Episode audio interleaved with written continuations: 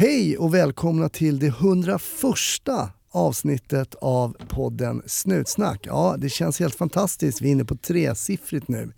Vi har lämnat rikspolischefen bakom oss och nu pratar vi med poliser, före detta poliser och pensionerade poliser som vanligt.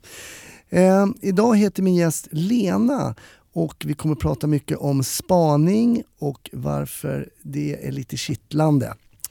Vi får också veta vad Lena har i fickan. Först trodde hon att hon inte hade någonting men det dyker upp en liten överraskning. Glöm inte att följa Snutsnacks nya Instagramkonto. Och vi finns ju såklart på Facebook också där vi lägger ut lite information. Stort tack för att du lyssnar, stort tack för att du delar och som jag alltid säger, var försiktig där ute och ha en riktigt trevlig lyssning.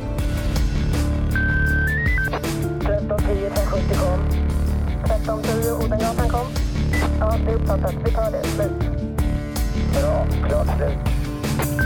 Välkommen till Snutsnack, Lena. Tack. Jag har ju fått nys om dig. Ja. Vi har tydligen träffats innan och sådär, men det, fick, det berättade du på telefon, men det är ett tag sedan. Men jag har fått nys om dig mm. via Snutsnacks tidigare gäst Anna som mm. Jinghede som jobbar som kriminaltekniker förut. Mm. Ni har spelat in eh, ett tv-program tillsammans. Ja. Så hon ringde mig och sa du måste ringa till Lena, hon är störtskön. Ja, vi är så sjukt olika. Jag älskar att hon tycker att jag är störtskön. ja men det är kanske så ja. opposites attract ibland. Ja. Men du jobbar inte som polis idag? Nej, jag sa upp mig 2015. Det hände någonting intressant när vi träffades eh, precis för en liten stund sedan. Så kommer vi gå in i den här stora byggnaden där vi ja. sitter. Och där sitter det en vakt och sen får man ha, antingen har man passerkort mm. eller så kommer någon ner och hämtar en. Mm. Sådär om det är någonting. Jag såg innan här, var det någon minister som kom ner som skulle på någon radiointervju någonstans mm. här. Och då sa du till mig när vi gick förbi, så, så här har jag gjort ett penetrationstest. Mm. Vad är då ett penetrationstest?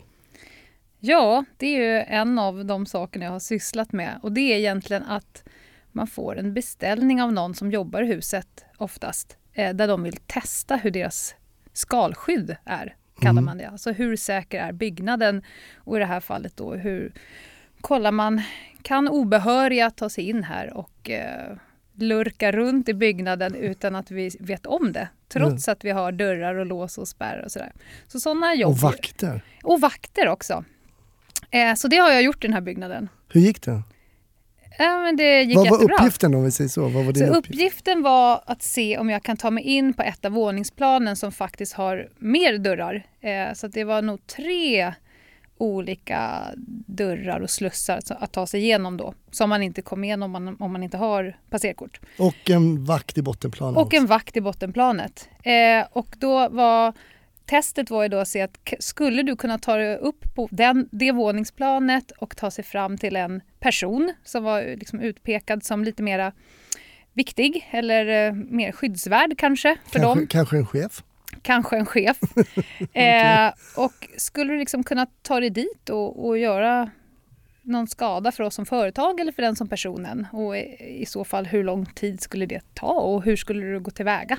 Mm. Det var själva arbetsuppgiften. Ja. Eh, och jag sa att det kan jag göra och jag sa ganska tidigt det kommer jag också klara av. För att eh, så länge det finns personer i byggnaden så kommer jag att klara det. För att det går, ja möjligtvis om man skulle bygga så här Fort Knox och inte ha en enda människa utan mm. bara jättetjocka väggar, mm. då blir det svårt. Men så länge det finns en människa så går det ju till slut. Så att eh, det, det förvarnade jag om att det kommer att gå. Eh, men frågan är hur lång tid och vilka vägar. För det kan vara bra att veta att ja, jag tror att en eventuell antagonist eller någon som vill illa skulle välja det här moduset. För det är liksom, vad, vad är det lättaste och vad är det svåraste? Och mm. Mm. Hur slutade det här testet då? Ja, det slutade ju att jag gick till huvudentrén en vanlig dag och liksom satt där en stund och kollade hur går flödet och vad gör folk och sådär konstatera ganska snabbt att här, det, där, det är där jag kan gå in och på det sättet och vid den tiden. Så att jag tog mig in första, andra och tredje dörren med hjälp av att människor helt enkelt eh, släpper in. Eh, och då vet jag att de, I de allra flesta byggnader så har de ju utbildningar om hur de får använda sina passerkort och släppa Mm. in och sådär. Men mänskliga faktorn och vi vill gärna vara till lags och, Mm. och sådär. Man håller upp dörren? Men man håller upp dörren och jag hade väl, det var ett tillfälle var lite kluriga men då tyckte de väl att jag hade en tillräckligt rimlig anledning. Ehm, så att jag blev insläppt på, vid alla tre eh, stationerna eller spärrarna, skalskydden. Och sen när jag kom upp på rätt våningsplan då gav jag mig helt enkelt på en person i byggnaden eh, och frågade efter var rummet fanns till den här personen. Och jag blev snällt visad hela vägen in. Så att, och där eh, var hen inte, så att jag satt, satte mig där eh, och eh, fotade allting på bordet och kollade lite i datorn och kollade lite i lådorna. Och då satt eh, då, den som hade beställt hela jobbet satt en bra bit bort, det var så öppet landskap. Och Ah. bara skakade på huvudet, log i mjugg, tänkte att skit också. ja, Så då kan man säga det att det både då, det lyckades för dig men Mm. det misslyckades ju fatalt för de som ja. ville skydda då kanske eventuellt den här personen. Ja. Ja, Ja. spännande. Fyra och en halv minut tog det. Fyra och en halv minut Mm. bara. Från huvudentrén. Oj, oj, oj. Mm. Men då ska jag vilja tillägga då att vi sitter ju här, jag har passerkort, pratat med vakten, Mm. vi är här helt Mm. liksom, det är helt okej att Mm. vi sitter här. ja. Men en gång i tiden så började du jobba som polis och vad var det som fick dig liksom att känna att, ehm, att polisyrket skulle kunna vara någonting som verkade intressant? Ja, det där har jag klurat över en del. För att många säger att det på något sätt varit ett kall eller något sånt där. Mm. Jag har aldrig riktigt känt det, tror jag. Eh, men på något sätt kände jag att det känns som ett jävligt peppigt jobb. Mm. Eh, inga kontorstider, det här med att man inte riktigt vet vad som händer. Jag hade nog ingen sån här ah, jag ska förändra världen, hjälpa människor-grejer som jag fortfarande hör. Jag, är ju, jag föreläser ibland på polisutbildningen fortfarande. Mm. Och det finns ju en sån kategori människor som Mm. kanske har jobbat med inte vet jag, reklambranschen eller något och så känner de på eh, någonstans mitt i att jag gör ju ingen som helst vettigt i världen. Jag kan Nej. sitta i åtta timmar och diskutera huruvida det ska vara en röd eller grön plupp. Tillför noll till mänskligheten. Ja men exakt, så Mm. bara, "Eh, jag ska banne mig bli polis. Men jag hade nog inget sånt vackert tyvärr, utan jag tänkte att det här verkar ju sjukt kul. Och då skulle jag söka, men då var Polishögskolan stängd. Det var där Mhm. 96, 97, 98 någonstans var Polishögskolan stängd för Okej. intag.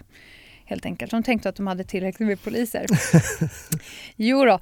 Eh, så då eh, gick jag en annan utbildning. Och sen så kom jag in på Polisskolan eh, då när den hade öppnat igen. Eh, och då fick de ju panik så då öppnade de väl också fler polishögskolor för att Just de insåg att nu måste vi utbilda en herrejösses massa poliser som det varit stängd. Konstigt. Att Ja. det, mm. Så då eh, sökte jag och kom in på en gång. Det var Mm. ju kul. Eh, ja. Vad mötte du för folk där när du kom till, mötte du de här du har redan nämnt lite blandat kanske vad man har för tankar innan Mm. man vill rädda världen, man vill hjälpa Mm. människor men du tyckte mer att det kändes peppigt. Ja. Vad var ni för typ av konstellation av människor när ni samlades upp där på första dagen? Liksom? Jag skulle nog säga att vid den tiden, det här är ju alltså från nu, är 19 år sedan, Mm. eh, och vid den tiden så var det, tycker jag, en ganska homogen grupp. Lite, om jag ska säga nidbild, lite så här stram tofs, dykarklocka, vattenflaska. På den tiden hade, tror jag inte kvargens era hade kommit än, men, men det var någon form av pulver som skakades. Ja, jag Det fattar. var hyfsat homogen. Oj. Banan. Ja, Liksom, fy redo fan. Och det ska jag säga. Ja, det, ja, nu, vi, alla som känner mig vet ju att bananer har ju varit en sån grej. Jag fick alla på Polishögskolan sluta äta banan när jag började. För att jag spyr ögonblickligen. Är det sant? Ja. Vadå, för att du inte tål... Är det, är det, jag vet inte om vi ska banan. öppna den Nej, lådan. kanske inte nej, det är, det är lukten. Jag behöver, jag, jag kan, om jag kräks bara rakt upp och ner, då kan jag tala om för dig att det är någon som äter banan närheten. Jag behöver inte ens ha känt lukten eller sett den. Det är helt sjukt. Ja, det är sjukt. Men så jag precis. kräks i princip första veckan på alla mina arbetsplatser. Innan folk har hunnit skicka ut det här mejlet att hörni från och med nu är det bananförbud för vi har anställt ett knasboll bara.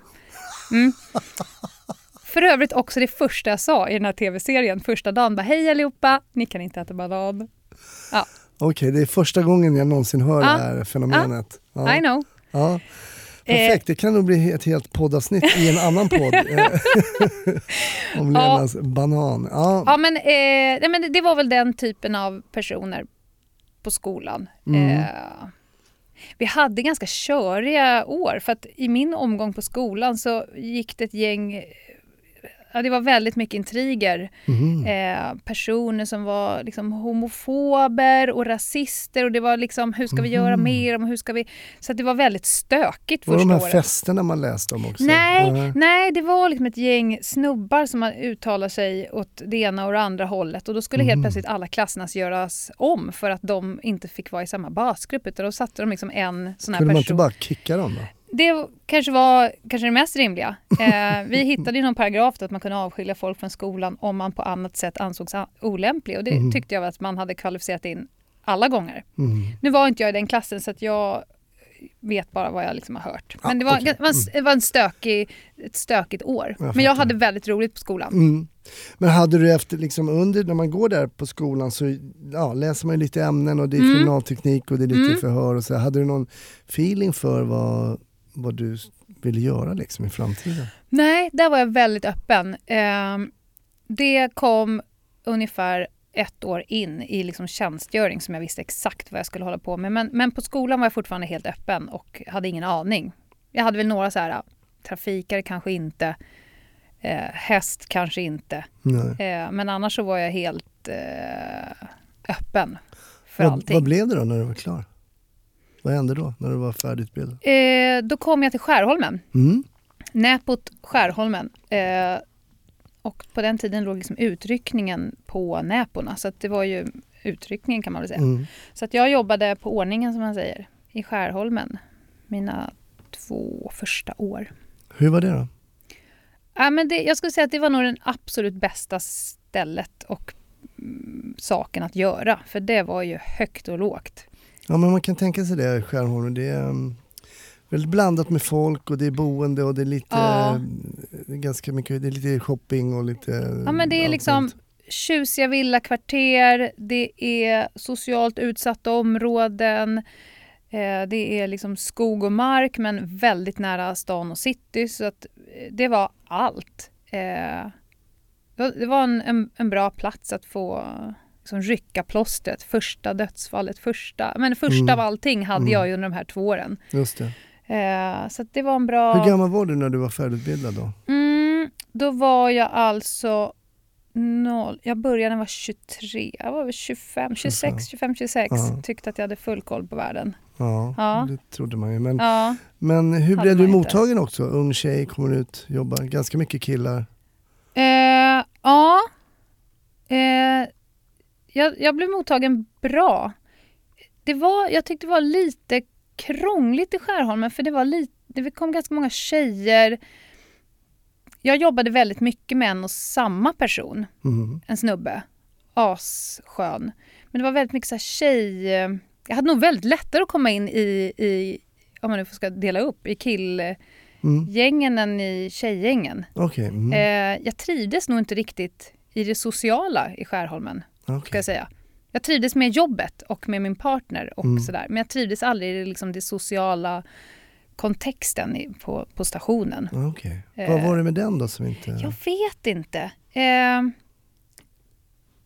jag, jag, jag har svårt att sätta eh, fingret på det, men det var lite så här, ska du inte bara åka tjejturerna? Nej.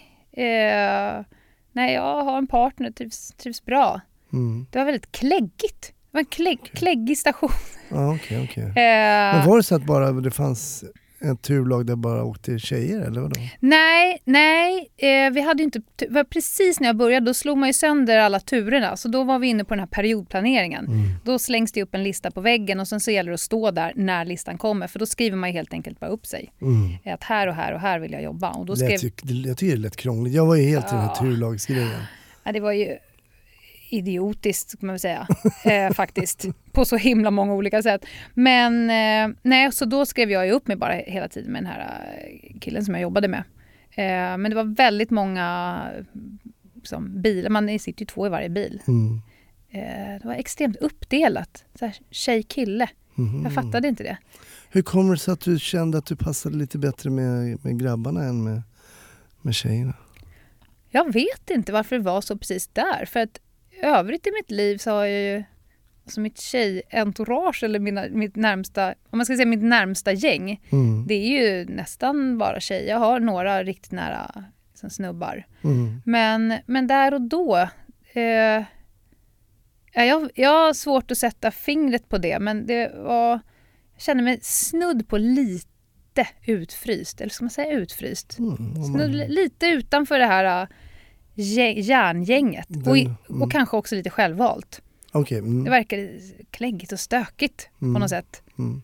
Mm. Du sa att du, du tyckte att det var en störtskön snubbe sa du, han du Ja. jobbade med. Varför jobbade ni? Varför fick du en känsla för att ni hade liksom en, Ja, bildade ett bra team? ja, men vi fann varandra tidigt. Eh, och eh, vi hade extremt roligt när vi jobbade. Mm. Oavsett riktigt tunga jobb. Alltså folk som tar livet av sig, man går och letar kroppsdelar på eh, tunnelbanespåret, eh, misshandel. Ja, men så. så hade vi alltid sjukt roligt i bilen mellan punkt A och punkt B.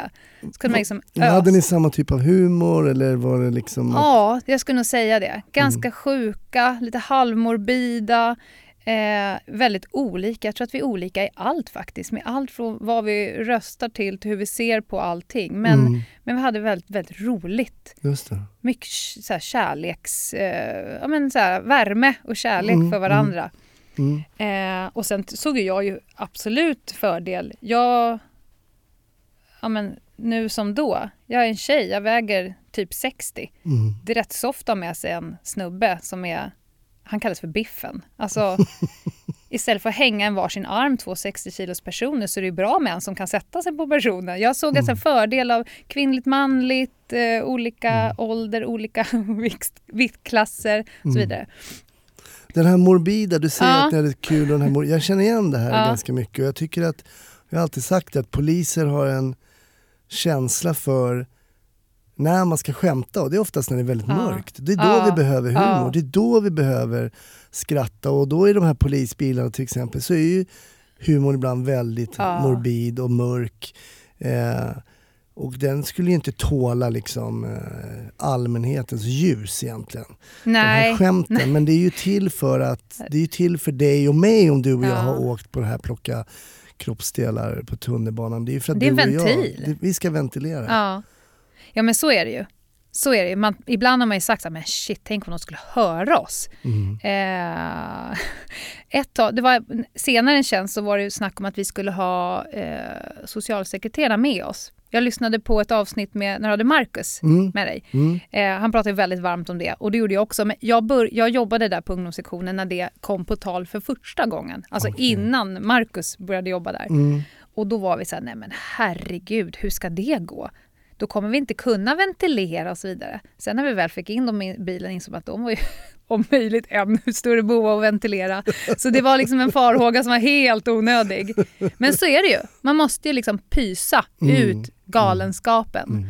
Och eh, liksom, det måste vara tillåtet att ja, men bubbla ur sig. Mm. Allt från... Eh, jag kommer ihåg det var någon, mitt första dödsfall och när politi kom dit.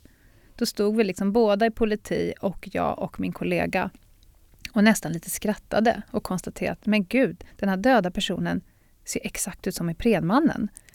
På något sätt hade han liksom svullnat och fått den här blånade färgen på armarna men var så vit på kroppen. Och då tänkte jag så här, det här är så himla icke okej. Mm. Det här är någons persons närmast anhörig och så vidare. Precis. Mm. Men just där och då, skräcken efter att jag ska se en död person för ja, då andra gången i mitt liv efter att ha varit på rättsmedicin, Mm. till att bara så här, det här måste ut ur min kropp på något sätt. Mm.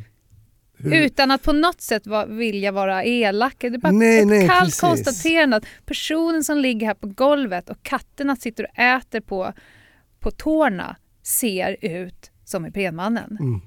Det är en ganska sjuk tanke, men, men det är så... Det, ja, Ja. ja, Och för er som lyssnar som tänker politi, är inte det polis på typ norska? ja. Det är ju de som kommer och hämtar de som har avlidit. Jag har för övrigt fått en reservoar, en sån fin penna av dem. Om man har tre dödsfall på samma arbetspass, då har de en fin penna som de ger till en. Är det sant? Ja. Jag har ingen sån penna. Nej, då, var glad för det. Ja, det det betyder att du har haft bra arbetspass. Ja, jag har haft bra arbetspass. Okej, men du, Ja. du nämnde då tidigare att du var i Skärholmen i två Mm. Och då åkte du omkring i uniform som klassisk eh, polisman. Liksom. Ja, kvinna. Kvinna, ja. Mm. Precis, ja. Va, vad- vad var det som gjorde, för jag antar att du såg någon tjänst någonstans som du Mm. sökte eller något sånt där. Nej, men alltså, det skavde, även om jag trivdes med jobbet, trivdes med att lära mig allting, trivdes med min kollega, så kände jag att jag ska inte vara i uniform. Ah, Jag kommer inte till min fulla rätt i det här. Jag kände mig lite, jag sa så här, jag kände mig som Christer Lindarw, som att jag klär ut mig till någonting. Just det, okej du var inte hundra hundra. Nej, jag var inte hundra hundra i den här uniformen. Jag kände att så här, det här är inte det här är inte min USP Nej, här i livet. Nej. Eh, nej. och då kom det ut en tjänst på ungdomssektionen inne på Länskrim som det hette då, Mm. eller Rave-kommissionen. Just det. Eh, så då sökte jag dit och eh, kom dit. Och från den Kul. dagen var jag civil. Så jag var, och sen resten av hela min... Kul, för den Ja. gruppen var jag ju med och Ja. startade upp Ja. alltså november 96. Ja visst. Shit, Och- du är ju skitgammal. Ja, jag vet. Det här, det här klipper vi bort. Ja, ja, ja. Nej, jag skojar bara. Ja, nej men precis. Vi var ju med och startade upp den. Och, ehm, och jag vet inte, det ska bli intressant att höra då Mm. vad som hade hänt då. För då är, du, då är det här 03 något sånt där eller? ja, det måste det vara. ja det är nu 03.04 där någonstans. nästan Mm. 20 år efter då. Vi, Mm. Hur var, när du kommer till den här Mm. gruppen då, får ta av dig Mm. eh, Lindarw, eh, liksom, klänningen. Och Mm. eh, hur känns det för det första att liksom vara civilt och ändå liksom Mm. utrustad som polis? Och så, vad, vad var den känslan? Jag, jag skulle säga att där kom jag halvvägs. För att man är ju civil, men det är ju ärligt talat på något sätt en uniform. Mm. På den tiden då hade ju 100% av oss typ triple five soul-tröja, eh, benfixbyxor och så skitsnabba sneakers och den lilla snutmössan. Ska vi välja, det är bara en annan form av uniform. Sivarna. Mm. Eh, men ändå halvvägs. Mm. Sen kom vi till liksom när jag hittade hem. Men, men det där är, är, var halvvägs. Eh, ja, men det, det kändes bra. Mm. Slippa uniformen. Mm. Eh, och nischa sig. Liksom. Nisch, nisch, nischa sig hårt på, på liksom en... Precis, en grej. ungdomar och narkotika var Ja, det då. då. Mm. ja. Fortfarande inte mitt kall. Många som söker dit är så här, jag brinner för narkotika och ungdomar. Mm. Nej, jag bara råkade vara väldigt bra på det av någon Mm. anledning. Och så har det varit. Liksom. Jag vet fortfarande inte vad jag ska bli när jag blir stor. Men, får man någon introduktion då? Du kommer säga hej, du kommer från ordningspolisen i Ja. Skärholmen. Eh, ta av dig uniformen, sätt på dig Ja. någon, någonting med benficka. Ja. Och, eller Nej, man plankade ju lite de som var där. Det finns ju Ja. alltid folk i grupperna som har varit där längre. Det. Så det var ju ganska snabbt att man egentligen först plankade och sen så hittade man sin egen roll längs vägen Just på något det. sätt. Mm. Eh, men det var en ganska körig tid där när jag kom dit. Det var gis- ganska, eh, folk mådde inte så bra. Okej. Eh, det var lite så här, jag vet inte hur det var på din tid men då var det så här, ni får inte äta före beslag. Du vet. Nej, Hela gruppen gick på Losec Mups typ. Vi, nej, nej, nej, nej, vi var mer så här, du får inte tvätta händerna efter att ha visiterat. Nej, Okej, ja, lite hardcore. Nej men det var lite så här, väldigt mycket tävlingsinriktat. Väldigt sådär att om någon grupp kom på någon så här sjukt fiffig metod så sa man inte det till gruppen som var bredvid Ah, för att man skulle liksom, du vet, vara bäst. Fattar. Sen så fick vi en ny chef, eh, en kille som heter Jonas. Världens bästa människa kan man väl konstatera. Och han sa att det här verkar helt orimligt. Om någon hittar på en bra arbetsmetod, varför sprider vi inte ut den över alla grupperna så blir vi gemensamt? För att Mm. eh, vi tittar ändå på sista raden sen och tittar. Precis, ja.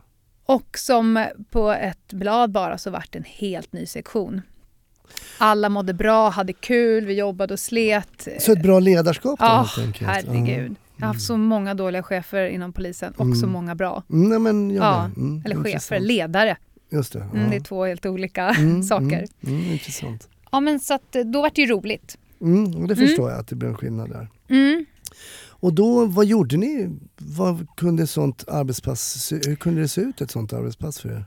Mm, vi nischar oss ganska hårt på gärna så här förstagångsbrukare, Eh, gärna hitta tjejer. Jag har ju under hela min, från att jag började där och sen hela resten av karriären varit så här hyfsat minoritet som kvinna i, i arbetsgrupperna, vilket Mm. är helt eh, jättekonstigt om man tänker det jag håller på med. För Mm. där nästan hade varit bättre om det var fler kvinnor. Det. Ja. Ehm, rent, av rent taktiska skäl. Men då, eh, så att man fick en liten halvknasig roll. Att, eh, ja, men, eh, när vi hade ingripande, det var liksom, kvinnorna var bara de som kunde göra vissa grejer. Till exempel Mm. vissa juridiska saker får man bara göra som kvinna mot Mm. kvinna. Det får, Mm. En man får inte ens göra det. Eh, kroppsvisitation till exempel. Eh, och alla gånger man skulle så här, lura sig in i lägenheter. Ja, Mm. men då är ju, man kan inte ställa en stor stark snubbe utanför dörren. Så då fick man så här, riktig bajsmacka. Så här, "Äh, men du, vi måste ta in oss på plan eh, tre. Kunde man så här, i mörkret i trapphuset bara hitta på något. Ja, Mm. schysst. Och så stod det fem stora starka snubbar bakom en och bara så här, trummade med fingrarna och väntade på att jag skulle lura mig in. Mm. Eh, så att man hamnade i en ganska konstig roll. Jag får, jag får många, många Ja. flashbacks och det är precis så vi jobbade också. Ja. Vi hittade på, det var Ja. alltid så ringde till Ja, tjejerna. Så. bara, kan du göra något? Fixa in oss? Ja, Mm. jättegärna. Mm. Så, eh, så det var väl det. Men vi jobbar hårt mot unga, mot eh, första gångare. Ja, Tänkte du Slet. någonting? Jag, menar, jag tycker det var ganska lätt som polis att jobba mot, med narkotika och ungdomar. Man jobbade efter den lagstiftningen som är, ja, som är stiftad av Mm. politikerna och så kör man och man får ju alltid höra en oerhörd, mycket, en stor liksom, argumentation emot till exempel gällande narkotikalagstiftning och så Mm. vidare. och så vidare, Mm. och så vidare. Eh, Jag tog sällan de diskussionerna utan, men en del gjorde ju det. Men påverkade din, påverkades din syn liksom på till exempel svensk narkotikalagstiftning genom att jobba med narkotika? ja alltså jag skulle säga att jag fick en, ganska, man får en ganska nyanserad bild. Man har ju träffat på folk eh, påtända av i princip alla olika eh, preparat Mm. och i alla olika stadier. Mm. Ja, skulle man säga att vi hade som en slogan knark är bajs, det är en gamla rave-slogan, men eh, skulle man bara säga att det bara är dåligt, eh, då skulle jag ju ljuga. För jag ser personer som har svår ångest eller mår sjukt dåligt hemma för deras föräldrar är värdelösa eller något sånt där. Och sen så tar de en flykt in i narkotika, då ger det ju det en stunds eh, relief. Men summan av kardemumman är ju alltid dålig. Mm. Det blir ju aldrig bra i det långa loppet.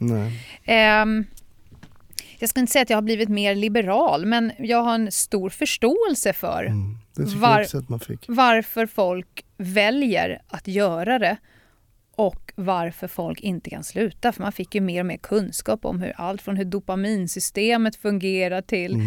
man vet ju vilka man inte diskuterar med. Jag skulle aldrig lägga tid på att diskutera med en kokainmissbrukare eller en cannabismissbrukare. Nej. För den, du kan diskutera i veckor. De, det, det går inte. Däremot så kan du diskutera med en heroinist för den har ju full koll på att det är narkotika och att det inte är bra och att de är missbrukare. Mm.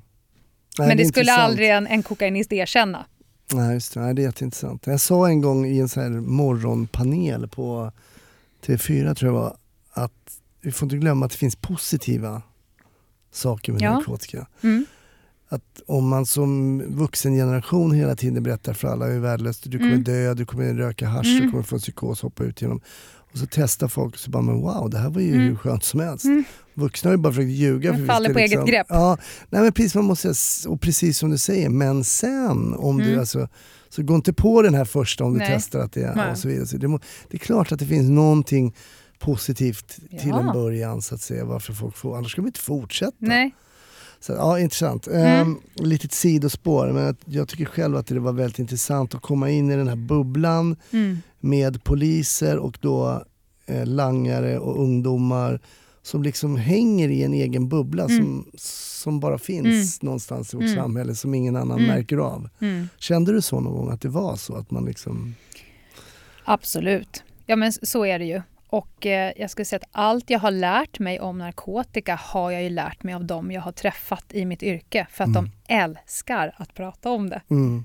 Allt jag har lärt mig. Ja, möjligtvis lite Flashback också. Tripp, tripprapporterna på Flashback. Nej men det... Ja, men summan är ju, och då när man ser anhöriga, vad det gör med föräldrar, relationer, sexliv, aptit. Det finns alltid mer negativt än positivt. Men i stunden så är det förmodligen bara positivt, precis just där, just då. Mm. Mm. Hur blev ni bemötta då, som civila poliser och kommer ut nya husen? Bra. Jag skulle säga att det var så skönt att jobba på ungdomssektionen, för även om vi var sjukt nitiska Mm. Man låg ju liksom i ficklampan och körde släpljus på soffbordet och skrapade ihop grejer. Eh, så hade vi en approach och pratade med personer. Vi skilde på person och handling och man skildes i princip alltid som vänner och får så ofta höra att ni är så... Gud vad du är schysst. Man bara, jag har satt dit dig på alla sätt man kan. Men att så här, gå därifrån och bara, jag är en människa, du är en människa nu har du valt fel spår och det är mitt jobb att göra så här. Mm. Men att vara liksom schysst, human, medmänsklig. Så det går att vara det som polis menar du? ja, det går. Mm. Och när jag föreläser på polisutbildningen, så var inte en douchebag alltså. Det är Nej, mitt, fiffla inte med lagen, var inte en douchebag. Och du kommer älska ditt yrke. Mm. Men när man blir så trött på människor, när man slutar vara professionell, Mm. då går man och lägger sig med... Det, det, jag skulle säga att det blir inte bra för någon. Nej.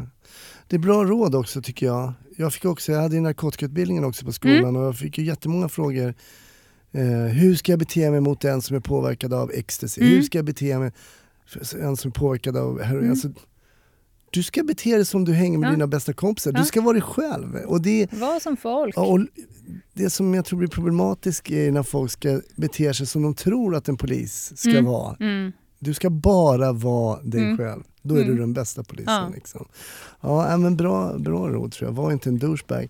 Ehm, nej men det är klart, och det är, som du säger, det är ju lätt att bli trött på människor. För att det är ju väldigt sällan man ringer till polisen och säger så här, hej kan ni komma för vi har så himla roligt. Mm. Har du varit på något sånt jobb någon gång? Nej. Nej. Nej. Och det är klart att det, att det tar på folk. Ja. Att, att, att, men hur tycker du att, att polisjobbet tog på dig liksom, i alla de här...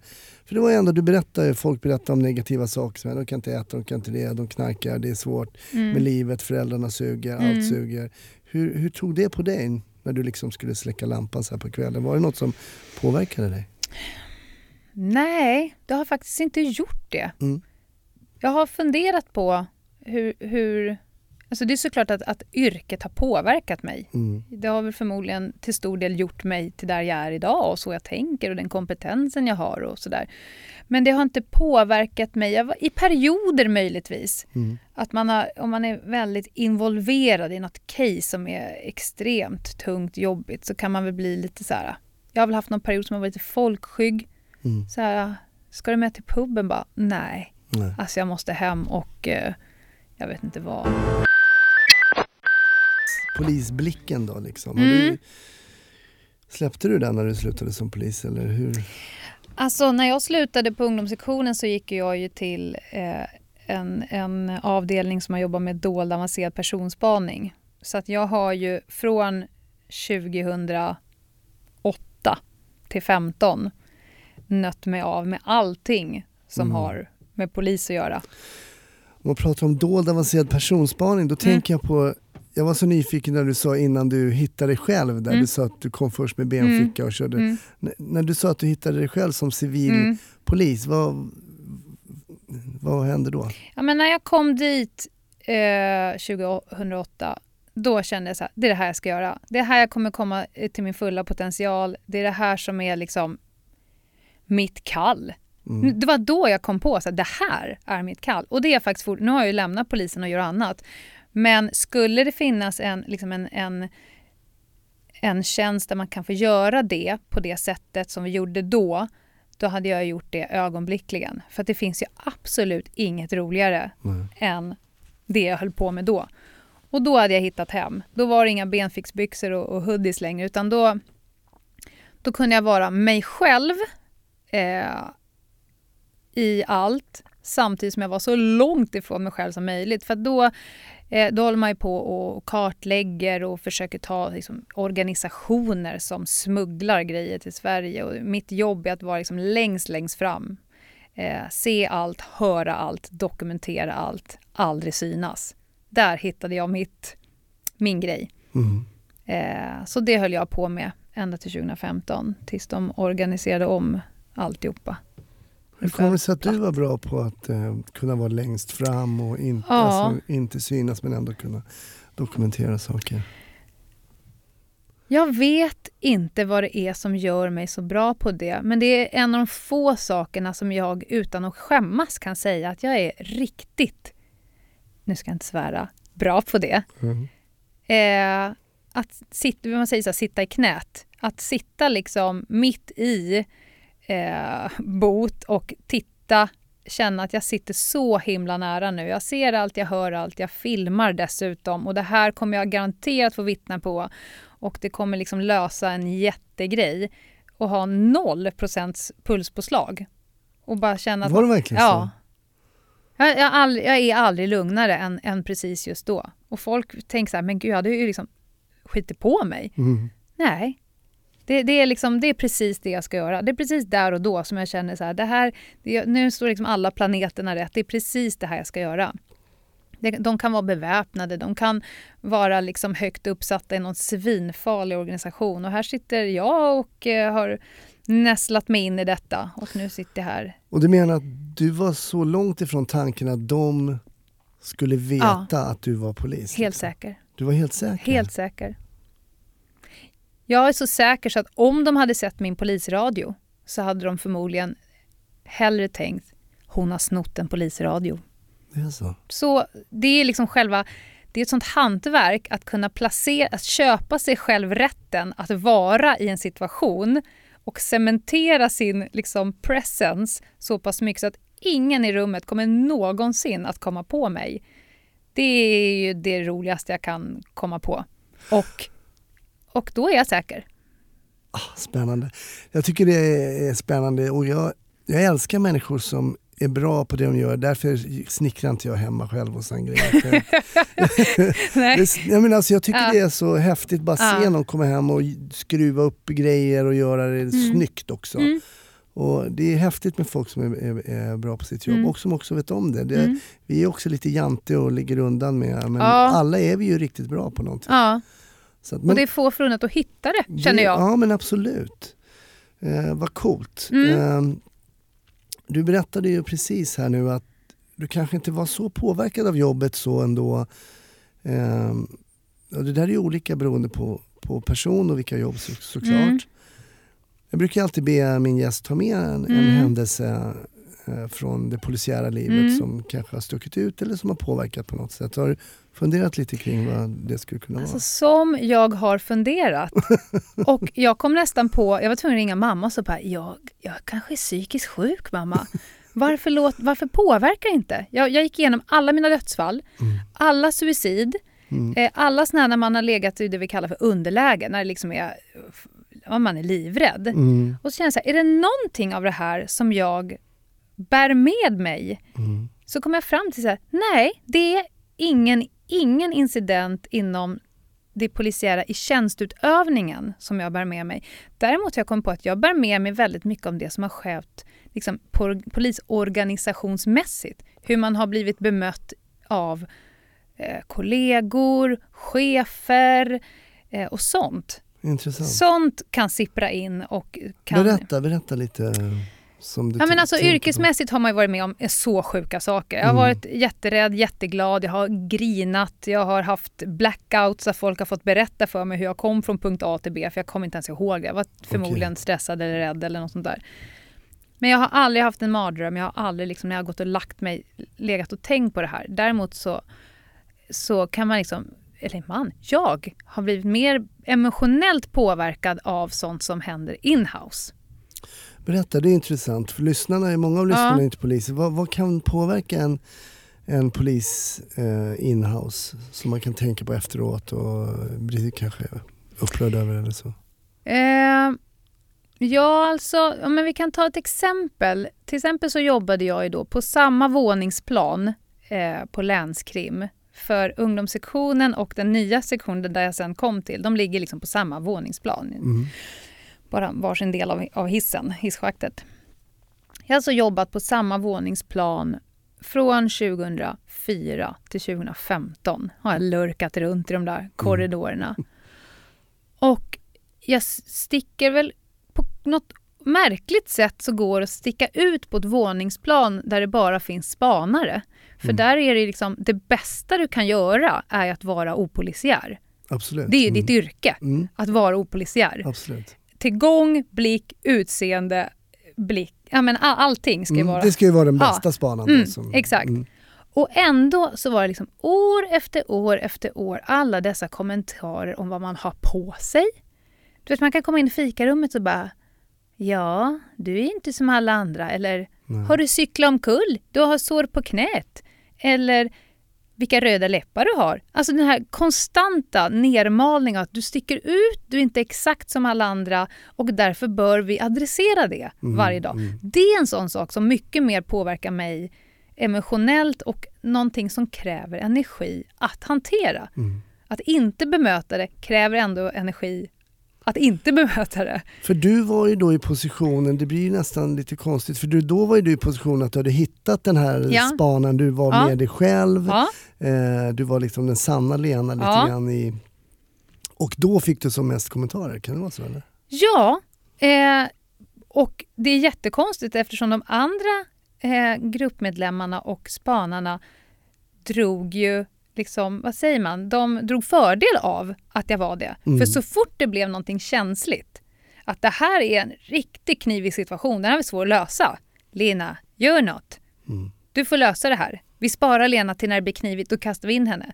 Och det hade de inte kunnat göra om jag såg ut som en spanare eller, eller som en polis Nej. eller en klassisk spanare. Nej. Så att, eh, men den här eh, konstanta, eh, du är inte som alla andra, du sticker ut, klädsel, du vet, sånt kan jag bli vansinnig på.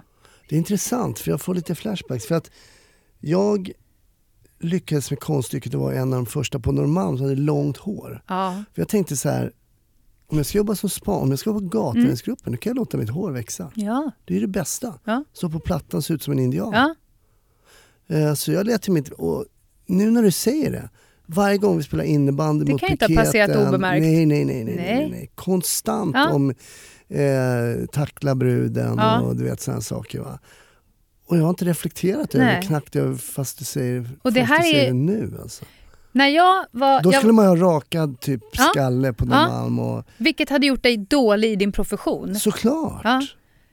För att det finns ju 400 000 andra sådana personer. Så det är bättre att inte... Jag kan säga, när jag, jag var hel... Eh, jag var anställd på Polishögskolan Mm. på heltid ett tag. Mm. Och då var det ett gäng med tjejer som skrev en extremt intressant uppsats. Mm. Där de gjorde en undersökning. De mätte, eh, om jag minns det här rätt nu, eh, de mätte människors, eller alltså de, de som skulle börja Polishögskolan, då mätte de deras självkänsla och självförtroende när de klev in på Polishögskolan, på polisutbildningen. Mm. Och då var den ganska hög på de flesta. De, är liksom, de har gjort fystester och psyktester och det är många som har sökt, men det är ni som kom in. Det var en hög liksom, känsla av min egen kapacitet när de gick in på skolan. Sen mätte de dem när de gick ut från skolan. Mm. Och då var det en kategori personer som hade bättre känsla när de gick ut. Och sen typ alla andra hade alltså sämre känsla när de slutade sin utbildning än när de kom in, kopplat till sitt yrke. Vilket är underkänt. För att du, du kommer in med en känsla, sen lär du dig saker under två och ett halvt års tid. Och sen får du sämre Och sen har du en sämre känsla. Och vilka var det? Vad var? Kvinnor och de eh, snubbarna som inte var precis stöpta i den här eh, formen. Inte alfahannarna. För då, när, till skillnad från när jag gick på skolan så var det då när jag var lärare där så var det ganska brokig skara på skolan. Jag tänkte, gud vad bra, det har gått framåt. Nu anställer man ju folk av alla sorter. Mm. Alla sorter och alla typer och alla färger och allting så. Smart! Mm. snubbar, konstnärssjälar med långt hår som gick med långa kappor. Jag kände att det här kommer bli så himla bra för, för rättssamhället. Eh, men sen såg typ alla likadana ut ändå när de slutade. Man Ja, bara, vad, var- vad händer? Ja, det, det, jag vet. jag Så då går de det. ut Mm. och har blivit något som de uppenbarligen inte är och med, själv, eh, med sämre självkänsla än när de klev in. Mm. Och då tänkte jag så här, det här är exakt liksom essensen av det dåliga. Att inte kunna behålla det unika i människor och utnyttja dem till deras bästa potential. Det skulle man ju bara vilja dra ihop i en cocktail och hälla i folk. Mm, intressant. Jag, jag hade en elev på skolan som, eh, jag har glömt bort hans namn nu, han såg inte ut som polis kan jag säga. Han var ganska långhårig så var han liksom, hade han så här full sleeves på Mm. båda, tatuerad på båda armarna. Mm. Så här. Nu ser man ju poliser som är tatuerade Mm. på ett helt annat sätt än vad jag gjorde på Mm. min tid. Så. Men han såg i alla fall inte ut som polis. Och sen så sprang de, skulle de springa milen första gången. Mm. Och sen så kom jag med min bil och så stannade jag till och så kom de några som hade sprungit milen så var han först liksom. Mm. Och då sa jag så här, hur gick det på milen då? Och då sa han så här, du, det var så jävla skönt att komma i mål och kunna ta en cigg. och så sa jag det till honom, vet du, jag vet att det inte är bra att röka men behåll, var dig Mm. själv Ja. liksom. Mm. Eh, för det kändes så otroligt Mm. opolisiärt att Mm. bara säga de Mm. orden överhuvudtaget. Ja. Ehm, ja, men det, det är oerhört intressant och det har ju funnits och jag vet att det i alla fall har blivit bättre. När jag slutade så, så snackade man alltid om att folk var rävar och dra in svansen rävjävel, Mm. det dammar liksom för Mm. att man ville ut och jobba Mm. och, och man ville stödja. Mm. Då ville man verkligen stöpa Ja. folk. Nu vill man i alla fall att folk ska kunna vara lite Ja. annorlunda. och så. Det är klart att det blir bättre. Ja, Och jag det, ser till de som är på polisutbildningen nu. Eh, mm, De har ju typ två akademiska bakgrunder, eh, bakgrunder har jobbat länge. mm. de Men det gör mig också lite livrädd. Ah, ja, exakt. Men de skulle ju aldrig hacka i sig liksom, sätt dig längst bak och håll käften. De Nej. skulle bara ursäkta mig, men varför då? Om Ja. tre kvart är jag din chef. Eh, Ja, så att eh, ja, det där är jag också rädd Ja, det- för. Jag, jag, det finns fördelar och Ja, nackdelar finns helt klart. Nej, det var, jag kommer på Norrmalm, vi hade ju vakthavande befäl som man var rädd för. Liksom. Man ville inte gå Men vad in är och... det? Nej, det är helt fel. Ja. Det är helt fel. Alltså, visst ska man få, som du berättade om en bra chef, få respekt för att de tar bra beslut och en Ja. bra ledare. Men eh, inte fast man ska vara rädd att få, typ, få ett batongslag av vakthavande befäl. För man liksom så här, sitt Mm. inte på mitt skrivbord och så får man ett batongslag. Mm. Det är bara, Toppen. Ja men vem är det? Ja jättekonstigt. Vad kul. Eh, jag tycker det är så kul, eh, kul kanske är fel ord, men det är intressant skulle jag säga att när jag frågar om något som har påverkat så säger du att det kanske inte alltid är de här ärendena. De har du, eh, du har genomfört, du har sett dödsfallen, du har sett eh, misären. Men mycket i in-house liksom har, har du tänkt på sen. Bland, Men- annat, bland ja. annat de här pikarna kring Ja. utseende och sådär. Men det är som att inför tjänsten har man ju en mental förberedelse att vad som helst kan hända. Mm. Och även om jag inte har en uniform på mig så har jag liksom en mental uniform. Att nu kan vad som helst hända. Jag är mentalt förberedd. Mm. Och det är mitt, mitt jobb att vara beredd på det. Men i, inne på huset och med de som då är mina kollegor, där är man inte, där ska inte vad som helst kunna hända. Där, där är ju jag inte mentalt förberedd för att hantera. Och där släpper du kanske också garden. Ja. Och liksom, ja. Ja, Mm. ja. Mm. Var det någonting mer utöver de här liksom, till exempel pika kring utseende och läppstift och, och så vidare som du kände? Du tror du nämnde chefer eller var det någonting? Ja, alltså det... Ja, organisationen har ju en lång väg. Jag kan säga så här, när jag sa upp mig till exempel, då tog min chef eh, min, min uppsägnings, alltså lappen, Mm. och bara slängde den i pappersinsamlingen. Mhm. Så att jag fick ringa en annan person och be den personen ta liksom, kommissarienyckeln på kvällen och gå in och hämta upp den ur papperskorgen för den lär väl diarieföras antar jag. Vi håller väl på med någon form av myndighetsutövning. Han ville inte du skulle sluta i alla fall. Nej men alltså, och sen hade jag en avtackning eh, i ett rum som ligger liksom vägg i vägg med chefens rum. Mm. Och chefen satt inne på sitt rum och jag blev avtackad av alla. Han kunde inte förmå sig själv att kliva över korridoren och gå in och säga tack för den här tiden, lycka till. Och sen ringde de typ efter ett halvår. Så här, har du lämnat in ditt vapen? Ja, det har jag. Och sen dess har jag inte hört. Jo, en, en har ringt mig. Men Nej. Inget snack om så här, avslutningssamtal. Du vet så här, hur kommer det sig? Vad hände? Vad kan vi lära oss? Ingenting. Mm. Efter ett och ett halvt år då ringde de från eh, han som är då polischef i Stockholm eh, då. Så ringde och sa så här, ah, du är på vår lista här över personer som vi vill ha tillbaka. Är det lön, funktion eller tjänst som vi kan liksom förhandla om? Då sa jag så här, vet du vad, ni kan börja med att ringa och be om ett avslutningssamtal. Där ni undrar varför jag slutade. Sen kan vi diskutera. Och sen dess har jag inte hört någonting. Det är sånt där som liksom... Det är så intressant för jag har hört i podden tidigare och det var också en, en tjej som, som berättade hon hade gjort otroligt mycket för svensk polis. Eh, när hon slutade var det ingen som frågade kan vi få ta del av de grejerna du gjorde. Hon Mm. hade gjort mycket utbildningsmaterial för hon hade varit alltså internationellt och Ja. tagit fram utbildningsmaterial. Bara, Nej men slut. helt tyst. Nej, men Och då, det, och då var jag alltså då var jag kurschef för narkotikautbildningarna. Jag var, höll på med kurscheferi för alla spaningsutbildningarna. Jag har liksom skapat massa material, precis som du säger. mm, Eh, men ingen som är intresserad nej. överhuvudtaget. Eller det är det säkert på lägre nivå, men uppåt så är det som att säga hallå? Och, och du beskriver ju också den här spetskompetensen då som, som, ehm, som rotlarna utnyttjade det Mm. också för att vi behöver hjälp, Lena kan du komma, Mm. kan du fixa, det är lite svårt och så Mm. vidare. Och så vidare. Där måste ju du ha eh, en kompetens som, och, som de hade kunnat föra vidare. Mm. Men det tog du till den privata sidan istället. Ja, alltså jag... Varför slutade du? Ja, De ringde ju aldrig men jag Nej. kan fråga. ja. eh, det var 2013 tror jag det var. Så insåg liksom spaningsverksamheten i Sverige med några eh, personer som kom på att vi får inte ut samma information. Så det tar onödigt lång tid och kostar onödigt mycket pengar för att spana. Mm. Då kikade man lite utåt i världen och kom fram till att det fanns länder där man hade kommit längre. Så då var vi 31 spanare som blev utplockade i hela Sverige. Så det var liksom någon från Mälardalen, någon från och sådär. Mm. Och då blev jag utplockad från Stockholmsregionen att gå en utbildning för ett annat land. Där man så gjorde clean sheet på spaningsverksamheten, nytt koncept. Okej. Byggde upp det från grunden och det var så himla proffsigt. Det kändes som att så här, det här är helt rätt väg att gå.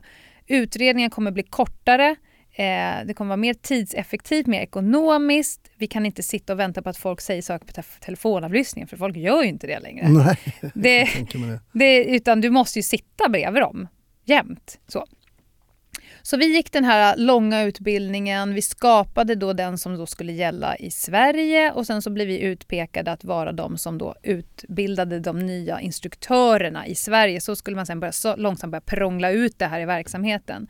Och samtidigt kom omorganisationen som gjorde att vi fick, det gick absolut inte att jobba enligt den nya metoden. Nej. Så ena handen köper in eller fixar ett nytt koncept, utbildar massa människor för hur mycket pengar som helst. Andra handen bara, nej men hörni nu ska vi slå sönder alla spangrupper, ni ska börja periodplanera.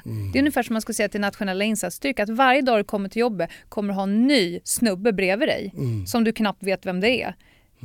Det är lika farligt för att det här är ju- var ett extremt offensivt sätt att spana Mm. själv. Du behöver veta vem som är...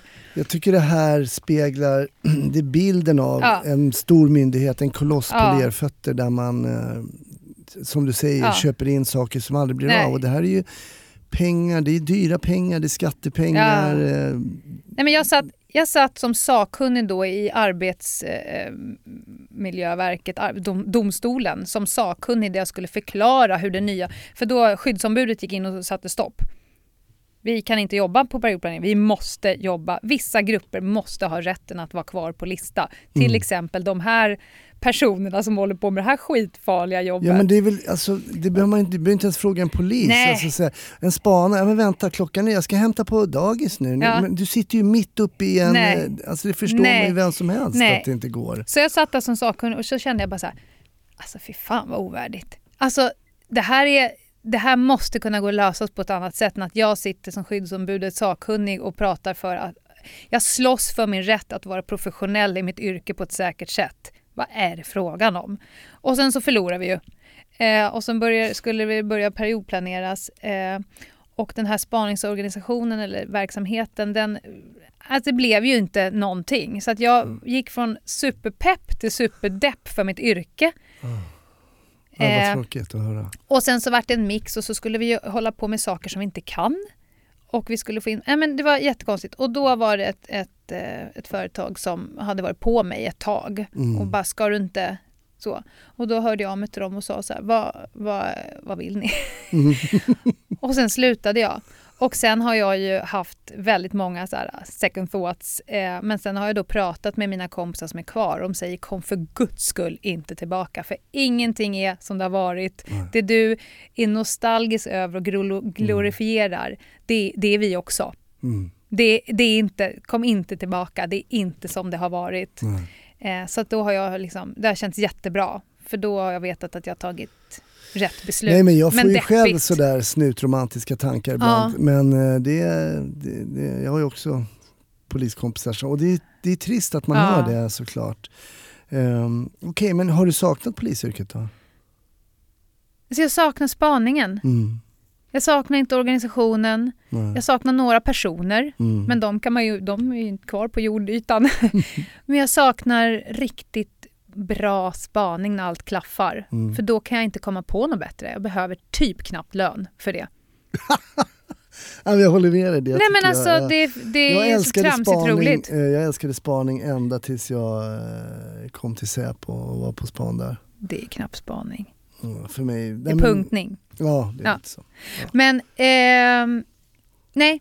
nej, jag har aldrig ångrat mig men jag, jag saknar ehm, riktigt bra spaning. Nu får Mm. jag spana en del ändå på vissa sätt men inte Mm. på det sättet. Men, mm, Kul, alltså vad, det är så härligt med de här samtalen för de kan verkligen ta olika vägar. Och eh, det gjorde det verkligen. Jag brukar alltid runda av med att fråga min gäst om de kollar på um, polisserier, polisfilmer. ja, nu måste jag ju kolla på en serie för att jag är med i den. Ja, berätta, du är ja, med i en, en serie. det är liksom, apropå knark, jag får nästan snorta betablockerare när jag sätter mig och tittar på det här. Men ja, jag är ju med i den här serien eh, Tjuv och polis. Just det. Och jag, första avsnittet har ju gått och jag hade fått förhandse det och kände mig ganska lugn för då var det väldigt lite fokus på polisarbetet. Eh, men eh, jag kommer ju liksom se avsnitten samtidigt som alla andra. Okej, så du har inte tittat Nej, på din egen nej. insats säga? Jag har ingen aning hur jag kommer klippas ihop. Och för er lyssnare som inte känner till det här eh, serien då, Tjuv och polis, så är det alltså, går på SVT Mhm.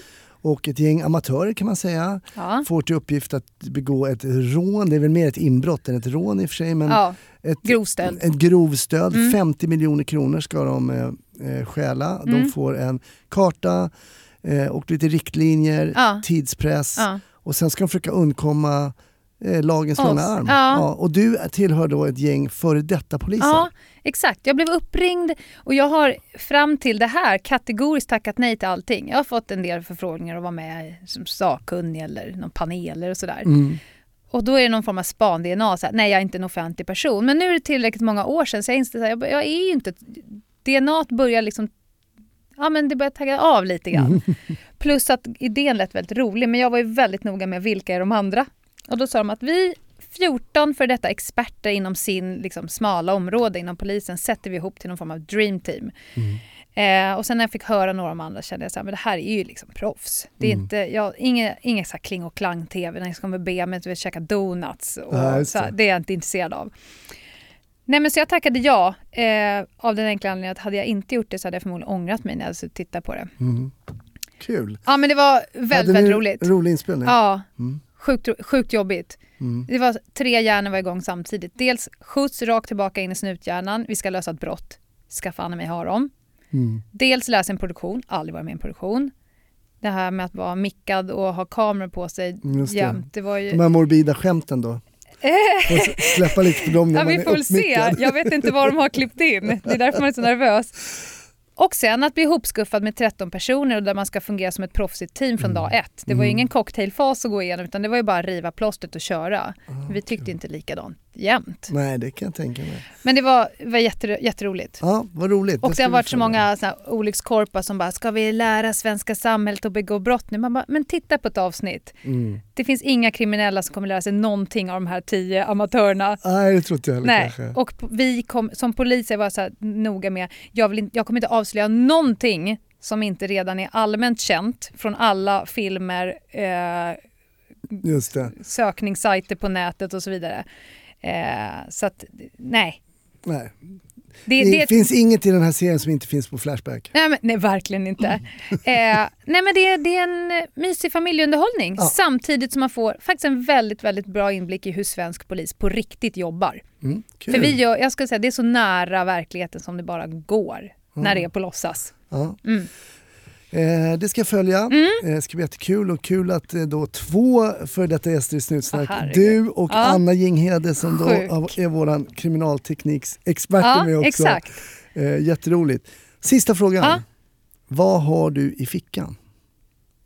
Jag har absolut ingenting... Ja men nu... Vänta här nu. En, en p-bot. Jag tänkte säga, jag har alltid, eh, jag har alltid eh, minst tre läppstift med mig. Inte alltid. Jag har så här föreläsningsläppstiftet, ja men du vet vardagsläppstiftet. Men nu har jag precis bytt byxor, de har inga framfickor. Nej, jag har en p-bot.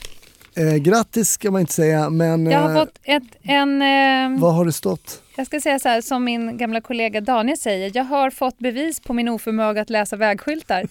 Jag har stått utanför min sons handbollshall eh, hall. Ah, och där har jag stått varje dag i fem år utan att få bot. mm. Och nu får du betala hur mycket? Eh, 850 kronor, tyvärr är det rätt regnummer. Förr i tiden kunde de ibland skriva fel. Mm, Och fotar jag inser att jag kanske måste betala den idag. Det ser vi. Ja.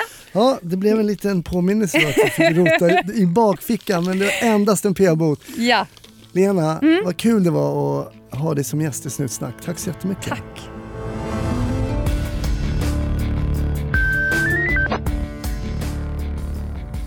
Stort tack. Ännu ett avsnitt av Snutsnack är till ända. Men hav förtröstan som de sa förr i tiden. Det kommer ett nytt i nästa vecka. Ha en fantastisk vecka fram till dess så hoppas jag att vi hörs då. Hej då!